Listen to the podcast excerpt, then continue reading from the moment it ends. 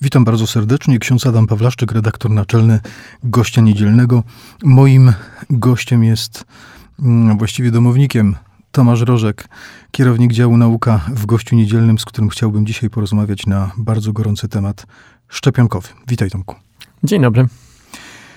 Ostatnimi czasy dostaję sporo maili od czytelników gościa niedzielnego, którzy twierdzą, że gość niedzielny przyjął retorykę propagowania szczepionek.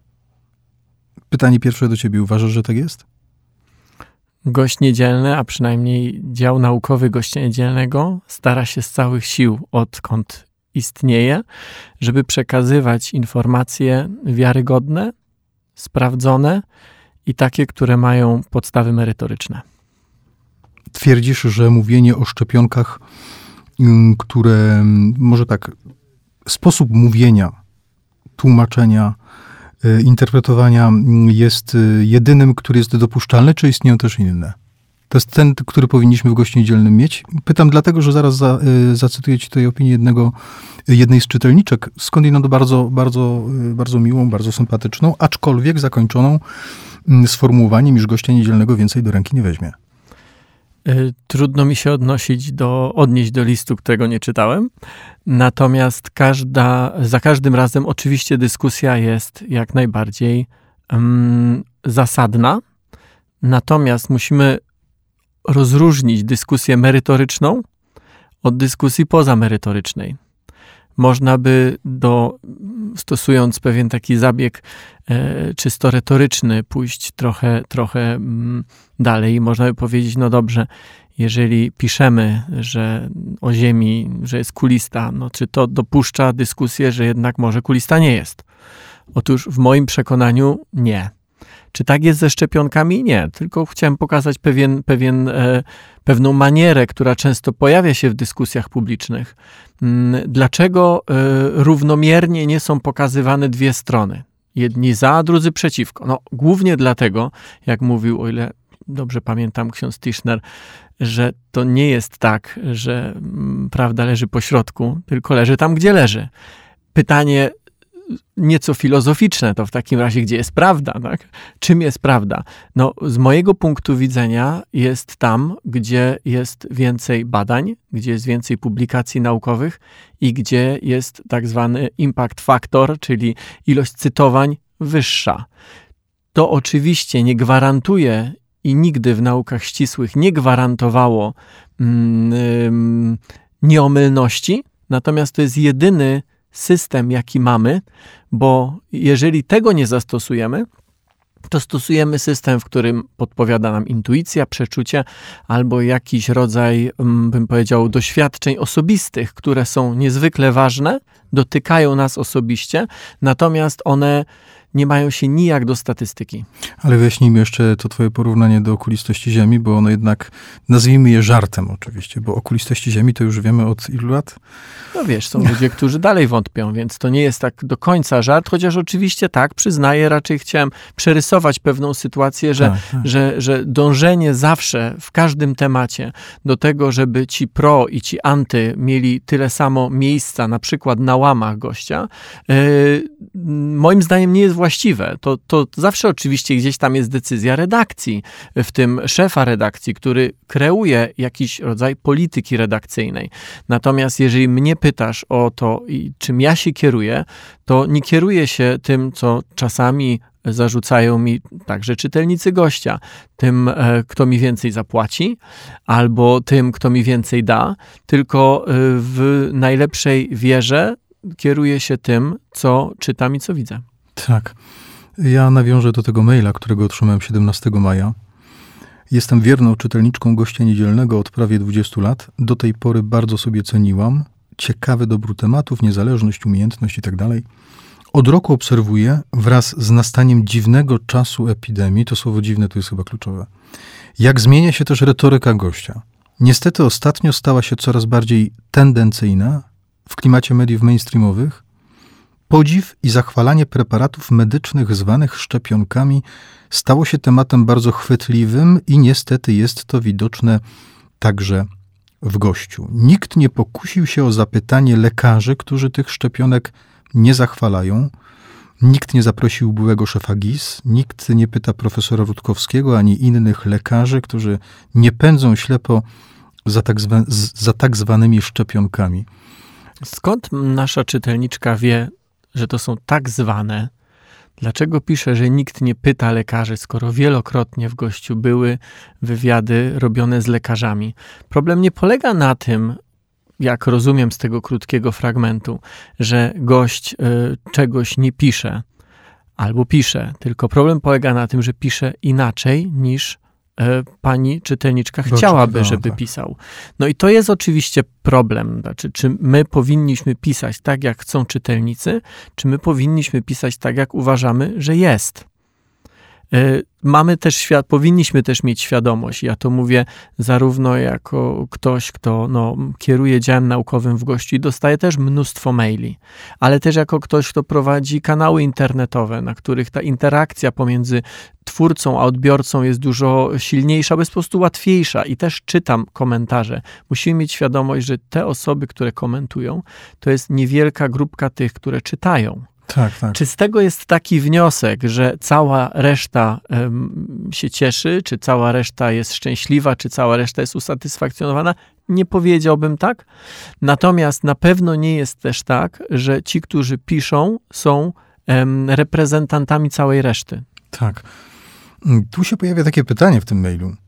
Dlaczego mm, w takim wspaniałym piśmie, niezależnym piśmie, skreśliła czytelniczka, nie może pojawić się pytanie o wolność, skoro mówi się o paszportach covidowych. Ja sobie pozwalam oczywiście, myślę, że to rozumiesz, stanąć po tej drugiej stronie, to znaczy Całkowicie chcieć wesprzeć tych ludzi, którzy mają wątpliwości. Całkowicie to rozumiem. Którzy się po prostu boją, no, znają tę chorobę od roku, widzą jak wiele jest niewiadomych i rzeczywiście dlatego mają prawo zadawać pytania. Też, żeby statystycznie, to nie są częste maile.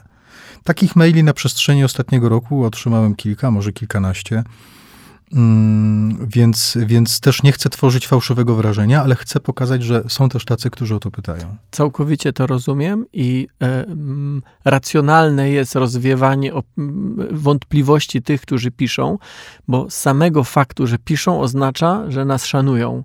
I wydaje mi się, że ten szacunek, on, czy ten czas chociażby poświęcony na napisanie takiego maila, on z naszej strony powinien e, się spotkać z odpowiedzią, nawet wtedy, kiedy się nie zgadzamy z wymową takiego maila. Staram się tego przestrzegać, staram się, o ile maile nie są obraźliwe i o ile nie są anonimowe, zawsze odpisywać. Natomiast odpowiadając na temat paszportów szczepionkowych, sam pomysł nie podoba mi się, głównie dlatego, albo tylko i wyłącznie dlatego, że on wzbudza tego typu emocje. Natomiast od strony merytorycznej nie rozumiem tych emocji, nie rozumiem um, tych negatywnych emocji, ponieważ zanim pojawił się wirus SARS-CoV-2, rzeczą zupełnie oczywistą było to, że wybierając się do jakiegoś kraju, dalekiego, no bo zwykle mówimy o dalekich krajach, bo na kraje bliskie jesteśmy zaszczepieni, więc nie musimy tego mieć, ale wybierając się do dalekiego kraju, trzeba było pokazać przebyte szczepienia. To się, nie to, to się nie nazywało paszport szczepionkowy, być może to kwestia nazwy, tylko to się nazywało książeczka zdrowia, wielo albo książeczka szczepień międzynarodowa. Wielokrotnie jako dziennikarz gościa, będąc w różnych miejscach świata, na przykład w Ameryce Środkowej czy Południowej, musiałem przejść szereg szczepień, bo inaczej nikt by mnie tam nie wpuścił, a wpuszczając, nikt by mnie nie wpuścił z powrotem do Polski, musiałbym przejść kwarantannę, więc wiozłem z sobą nie tylko paszport zwykły z orzełkiem w koronie, ale też książeczkę taką żółtą, z żółtą okładką, gdzie miałem dokładnie zaznaczone, kiedy i jakie szczepienia przybyłem, bo to był obowiązek. I wtedy to nie wywoływało żadnych emocji, także u mnie. Rozumiem, że być może dlatego, że um, to było tak, że po prostu, no, jeżeli chcę gdzieś jechać, to muszę być zaszczepiony. To jest po prostu warunek. Dzisiaj sytuacja jest troszeczkę odwrotna. Jeśli chcę wyjechać, w ogóle wyjechać, w ogóle wyjechać, to być może będę musiał mieć. Sprawa jest w toku, nie do końca jest powiedziane, jak to będzie wyglądało. Nie do końca wiadomo, które kraje w ogóle tego będą przestrzegały czy wymagały. Tego nie wiemy. Natomiast rozumiem te emocje, nie podzielam ich, wiem skąd one się biorą i ze względu na te emocje byłbym, e, gdyby ode mnie coś, cokolwiek zależało, to tego typu dokumentów, a już na pewno nie nazywałbym tego paszportem, bym nie wprowadzał. Niestety, pisze pani, według naprawdę wielu lekarzy, wirusologów, nie tylko polskich, szczepionki nie muszą pomóc na długo, a może nawet wielu zaszkodzą. Uważasz, że dużo jest takich lekarzy i wirusologów? Nie znam żadnej statystyki, która uzasadniałaby stwierdzenie, że wielu lekarzy tak uważa. Znam statystyki, które mówią o tym, czy badania, które mówią o tym, że y, zarówno po przechorowaniu, jak i po zaszczepieniu y, odporność organizmu jest stosunkowo długa, gdzie słowo stosunkowo oznacza nie to, że się gdzieś kończy, tylko to, że wirus jest nowy i my tak naprawdę badamy go dopiero od kilkunastu miesięcy. Więc ostatnie badania pokazują, że przynajmniej 13 miesięcy po przechorowaniu ta odporność trwa. No ale czekaj, bo ty, czegoś tutaj nie rozumiem. No 13 miesięcy to trwa pandemia przecież. No więc właśnie dlatego o tym mówię, że to są badania pierwszych osób, które przechorowały. No ale przecież mamy przypadki, wydaje mi się, że wśród znajomych nawet ta, ta, takich osób, które, które chorowały dwa razy jest to możliwe, to nie wyklucza tego, co powiedziałem wcześniej. Po pierwsze, mamy do czynienia z różnymi szczepami, po drugie, mówimy o rozkładzie statystycznym, a nie indywidualnym. Są możliwe sytuacje, w których zachorujesz y, nawet na ospę dwa razy, co nie zmienia faktu, że odporność na ospę jest um, naukowo udowodniona. To są właśnie te niuanse, które um, chciałbym bardzo, żeby eksperci w sposób bardzo popularny i i, i, prostym językiem wyjaśniali. Niestety często tego nie robią, natomiast niestety, i to słowo niestety tu powiem dwa razy, niestety, niestety, bardzo często zdarza się, że po prostu obrażają tych, którzy tego nie rozumieją, tych, którzy zadają pytania, tych, którzy mają wątpliwości. Uważam, że z każdego punktu widzenia jest to ogromny błąd, nie znam przypadku człowieka, który nauczyłby się czegokolwiek wtedy, kiedy w trakcie procesu edukacji byłby obrażany. Raczej jest to zupełnie dla mnie zrozumiałe. Włącza się wtedy instynkt taki jakiś, że, że przestajemy w ogóle to przyjmować i raczej stajemy okoniem.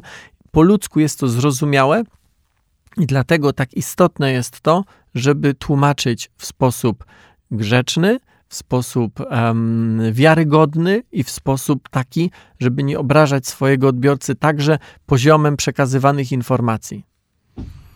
O tym też pisze czytelniczka. Czyżby i gość pochwalał retorykę niektórych posłów twierdzących, że mimo iż szczepionki są nieobowiązkowe, to należy tak poprowadzić ludzi, żeby stały się dla nich obligatoryjne? Czy to jest niezależność, wolność i te idee, o które gość walczy od lat? Nawet jeżeli nie zgadzam się z tym, z tym sformułowaniem, bo twierdzę, że y, no, nie jestem wirusologiem. Jestem kimś, kto ostatecznie zawsze musi komuś innemu zaufać. W tym kontekście. Jak y, każdy z nas. Dokładnie tak. Twierdzisz, że jest taka retoryka gdzieś w Polsce, w Europie czy w świecie, że, że chce się ludzi choćby podświadomie jakoś przekazem podprogowym, czy w jakiś inny sposób zachęcając ich, y, zmuszać do szczepień? Powiem ci tak. E, znaczy, retoryk jest mnóstwo. Ja nie chcę się zagłębiać w retoryki poszczególnych ludzi, tym, tym bardziej, że im głośniejsza retoryka, tym mniej bym powiedział, czy tym, tym mniejsza wiedza, albo, albo gdzieś tam ta merytoryczna podbudowa tej retoryki. Natomiast y, ja jestem tym pokoleniem, które było zaszczepione y, na wiele różnych chorób. I statystycznie dzięki temu E, czy te szczepionki obowiązkowe uratowały miliony istnień. Natomiast ja też mam szczęście, nieszczęście.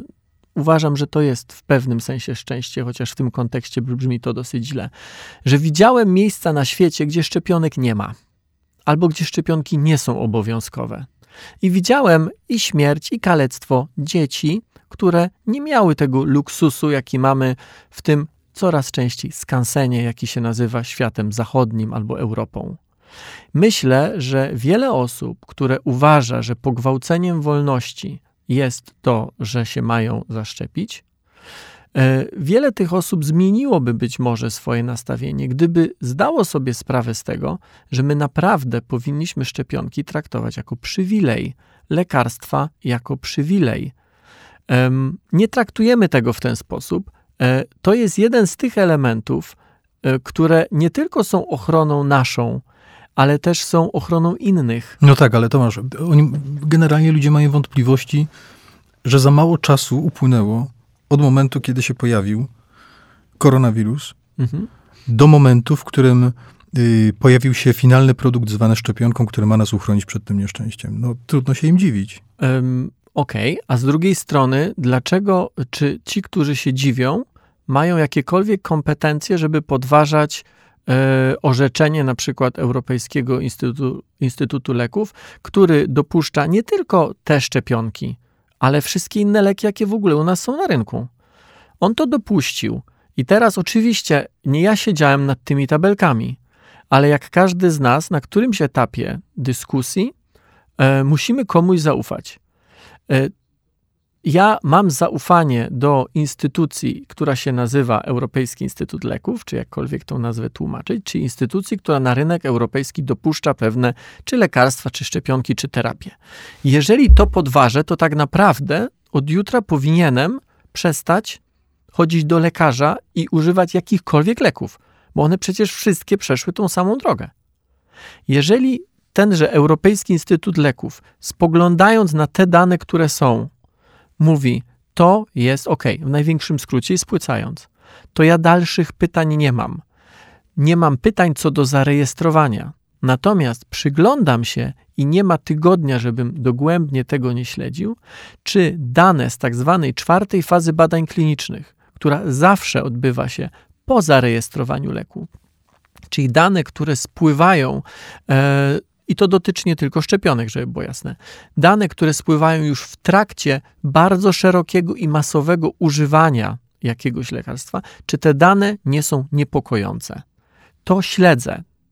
Natomiast jeżeli tam się coś pojawi, jeżeli tam się zacznie coś pojawiać, to wtedy mogę zacząć mieć wątpliwości, czy przypadkiem ten lek został zarejestrowany w sposób właściwy. Póki co się nie pojawiają. Natomiast się nie pojawiają. Powiem ci, że zacytuję panią jeszcze z, z innej wypowiedzi, z innego maila, która napisała w sumie bardzo mądrze, prosząc o to, żeby właśnie druga strona również kontestująca e, szczepionki mogła się wypowiedzieć.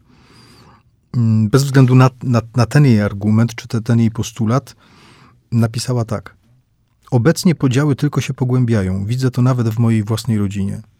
To bardzo przykre. Zwłaszcza, że nie wygrywa ani strona pro, ani kontra. Wygrywa ten, którego celem jest dzielenie. Wszyscy pozostali przegrywają. Yy, ująłbyś to w ten sposób?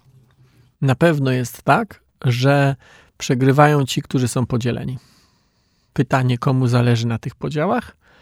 Pytanie, to są trochę pytania retoryczne, ponieważ tego typu działalność czy, czy, czy no jest do, dosyć dobrze skatalogowana. E, I zgodzę się z czytelniczką, że powinniśmy robić wszystko, żeby się nie dzielić, tylko nawet jeżeli się różnimy, żeby się nawzajem przekonywać. Ale ilość tych emocji z całą pewnością, no, na tobie, i do tego zaraz przejdę, y, na tobie się mocno y, też pewnie odbiła. Mm, jednak świadczy o tym, że mamy do czynienia z jakimś bardzo szczególnym zjawiskiem. Trudno się dziwić. Świat z pozamykany, ludzie, którzy musieli siedzieć w domach przez rok, yy, gospodarki wstrzymane i tak dalej, i tak dalej, kościoły pozamykane przecież. Więc tym emocjom dziwić się nie należy, natomiast doszliśmy do pewnego momentu, w którym te emocje rzeczywiście biorą górę. W Twoim przypadku objawia się to w tym, że po licznych swoich publikacjach w sieci, w internecie otrzymujesz sporą falę, falę hejtu. Ostatnio nawet chyba taką, która mocno by się już nadawała do zgłoszenia jakimś organom ścigania. Tak. Tak jest, natomiast wiesz, no ja nie chcę, żebyście Państwo e, zapamiętali, czy żebyście Państwo myśleli, że, jak się, że ja się jakoś nad sobą rozczulam. E, wpisuję to w, no, to jest taki e, aspekt, e, szkodliwy aspekt mojej pracy. O. Tak jak e, wykonując niektóre zawody, człowiek jest narażony, nie wiem, na to, że mu coś spadnie na głowę, inne, że go kopnie prąd. Tak, być może powinienem uważać, że groźby, że, że podawanie na przykład mojego prywatnego adresu, to to, to, to jest właśnie taki rodzaj, rodzaj szkodliwości pracy, którą wykonuje. No osoby, które to robią też z pewnością wydają świadectwo samym sobie, bo to są takie, takie metody, które absolutnie absolutnie kwestionują, y, no nie powiem szczerość ich, ich, ich, ich przekonań, czy ich intencji w tym, żeby było dobrze, żeby było lepiej. Tylko wiesz, pytanie jest zawsze takie, znaczy co jest alternatywą? Bo alternatywą, znaczy ja widzę dwie alternatywy. Nie wiem, czy tak można powiedzieć, bo alternatywa jest chyba zwykle tylko jedna. Mm, jedno wyjście jest takie, że zaczynam pisać wbrew swoim przekonaniom. Tego nie chcę robić i tego nie będę robił. E, I wyjście drugie, po prostu znikam i nie piszę wcale. E, mam wrażenie, że przynajmniej niektórym, nie robiłem tu badań statystycznych, ale przynajmniej niektórym osobom zależy na tym drugim. Nie, no nie, nie można nawet porównywać. Powiedziałem ci to, że to są takie e, przypadki, e, przypadki jednostkowe. E, bardziej chciałbym wyrazić zrozumienie dla tych, którzy mają wątpliwości, ale też podkreślić, że przychodzi moment, w którym naprawdę zaufać trzeba, choć jest to trudne. Rozumiem tych, którzy mają wątpliwości, tak jak powiedziałeś chwilkę e, wcześniej, sytuacja jest całkowicie, to całkowicie, nie wiem, niespodziewana, e, niezrozumiana, niezrozumiała bardzo często.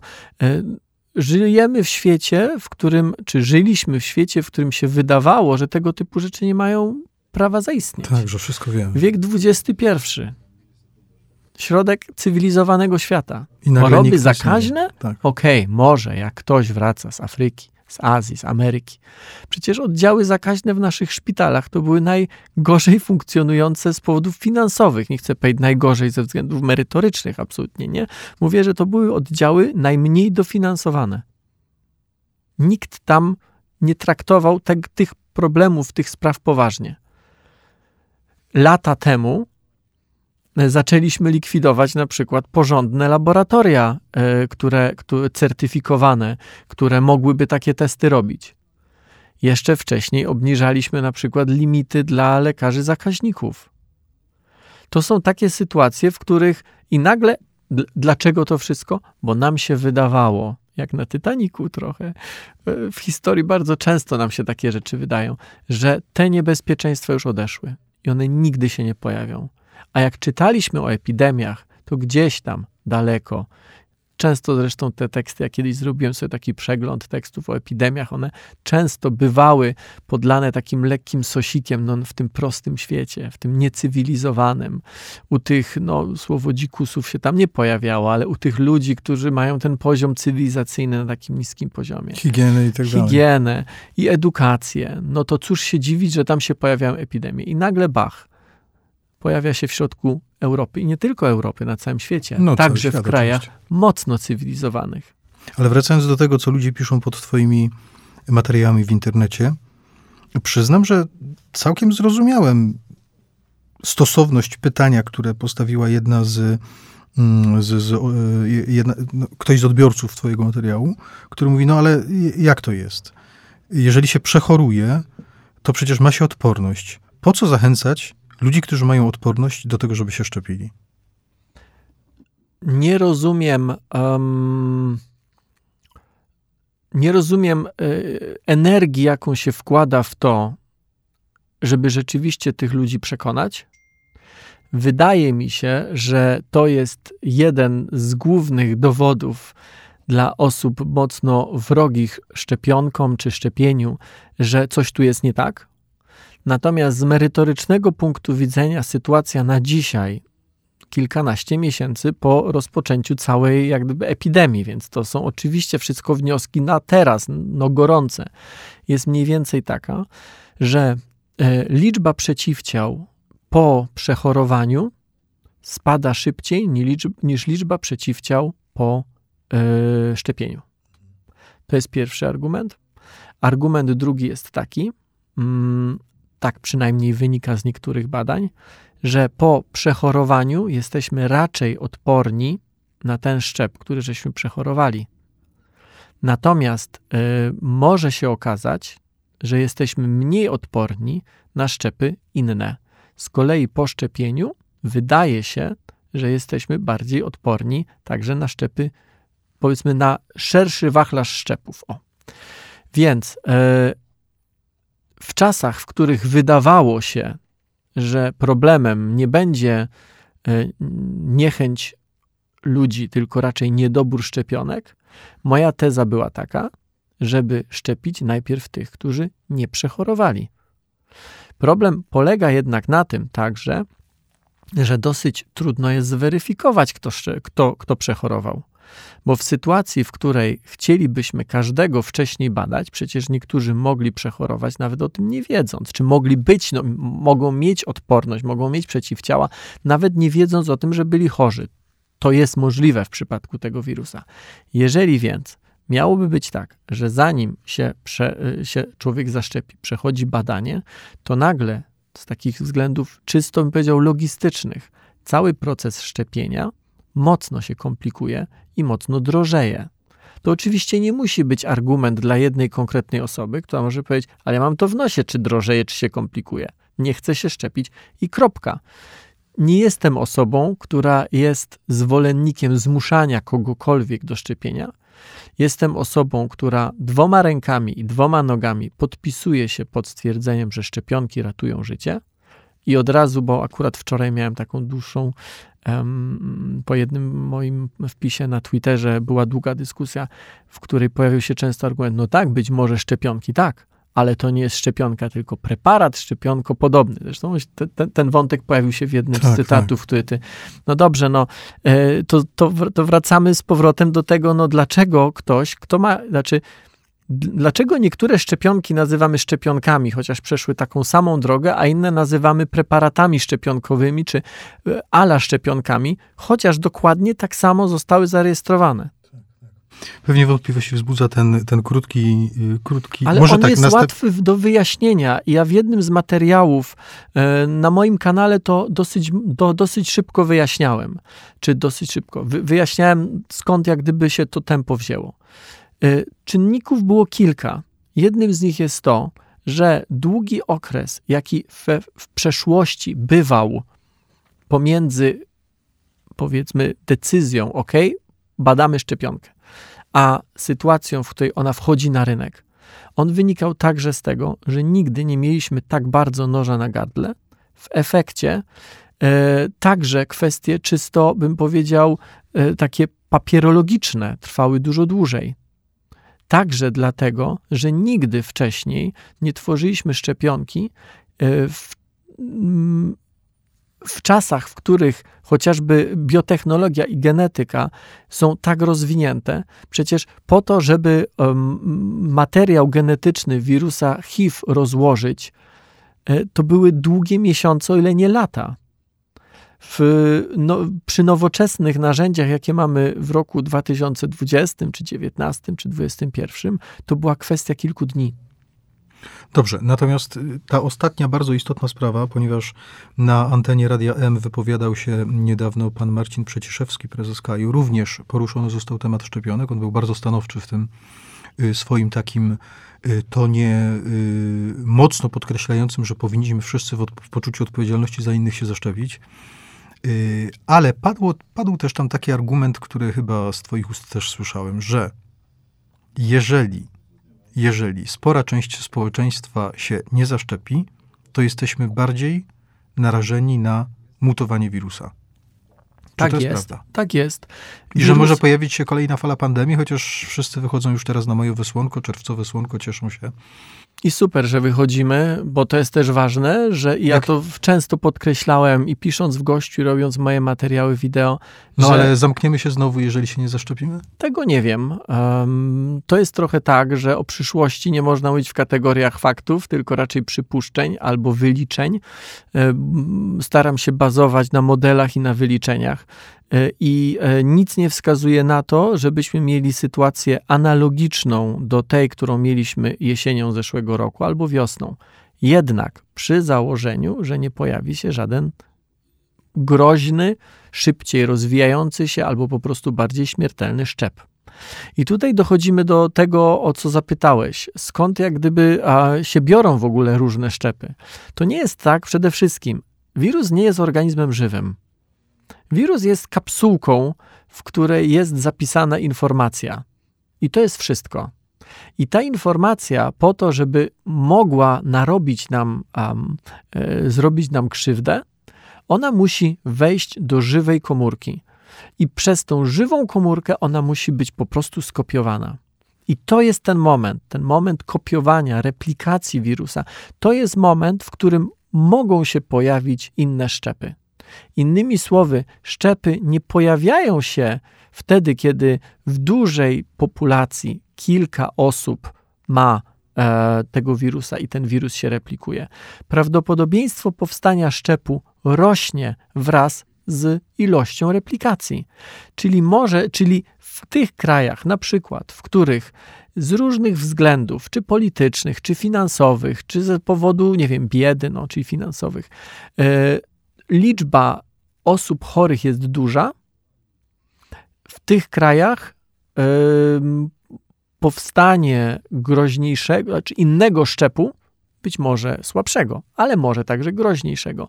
W tych krajach to prawdopodobieństwo powstania takiego szczepu jest po prostu większe. No ale powiedz mi to teraz jak laikowi. I co? Te nasze szczepionki będą działały na ten szczep? Nie wiadomo. Na razie. Czyli kolejne szczepionki, kolejne mutacje i kolejne. Tego nie wiadomo. Y, nie chcę tutaj przesądzać, bo tego po prostu nie wiadomo. To, czy jakaś szczepionka działa na jakiś szczep, wiemy wtedy, kiedy ten szczep już powstanie. On ma jakieś charakterystyczne zmiany, pod jakimś względem jest inny w porównaniu z wcześniejszymi. Dotychczas jest tak, że na te szczepy, które się pojawiły, te takie dominujące szczepy, bo szczepów jest bardzo wiele, jest nie wiem, kilka tysięcy, wydaje mi się już teraz, tego konkretnego wirusa. Natomiast um, te takie dominujące e, na brytyjski, na tak zwany brazylijski, e, czy na indyjski, wydaje się, że z różną nie tyle wydajnością, ile skutecznością te szczepionki y, nas uodparniają. Bardzo Ci dziękuję za to wszystko, co powiedziałeś. Rozumiem, że rękami i nogami podpisujesz się pod tym, że powinniśmy się jak najwięcej, jak największa część społeczeństwa powinna się zaszczepić. Szczepionki to jest jedyny w zasadzie sposób na to, żeby te szczepy, które teraz są powiedzmy na rynku, żeby sprowadzić je do parteru. Natomiast szczepionki to jest jeden, to, to, to nie jest jedyny element walki w ogóle z epidemią jako taką. To jest jeden z ważnych, ale nie jedyny.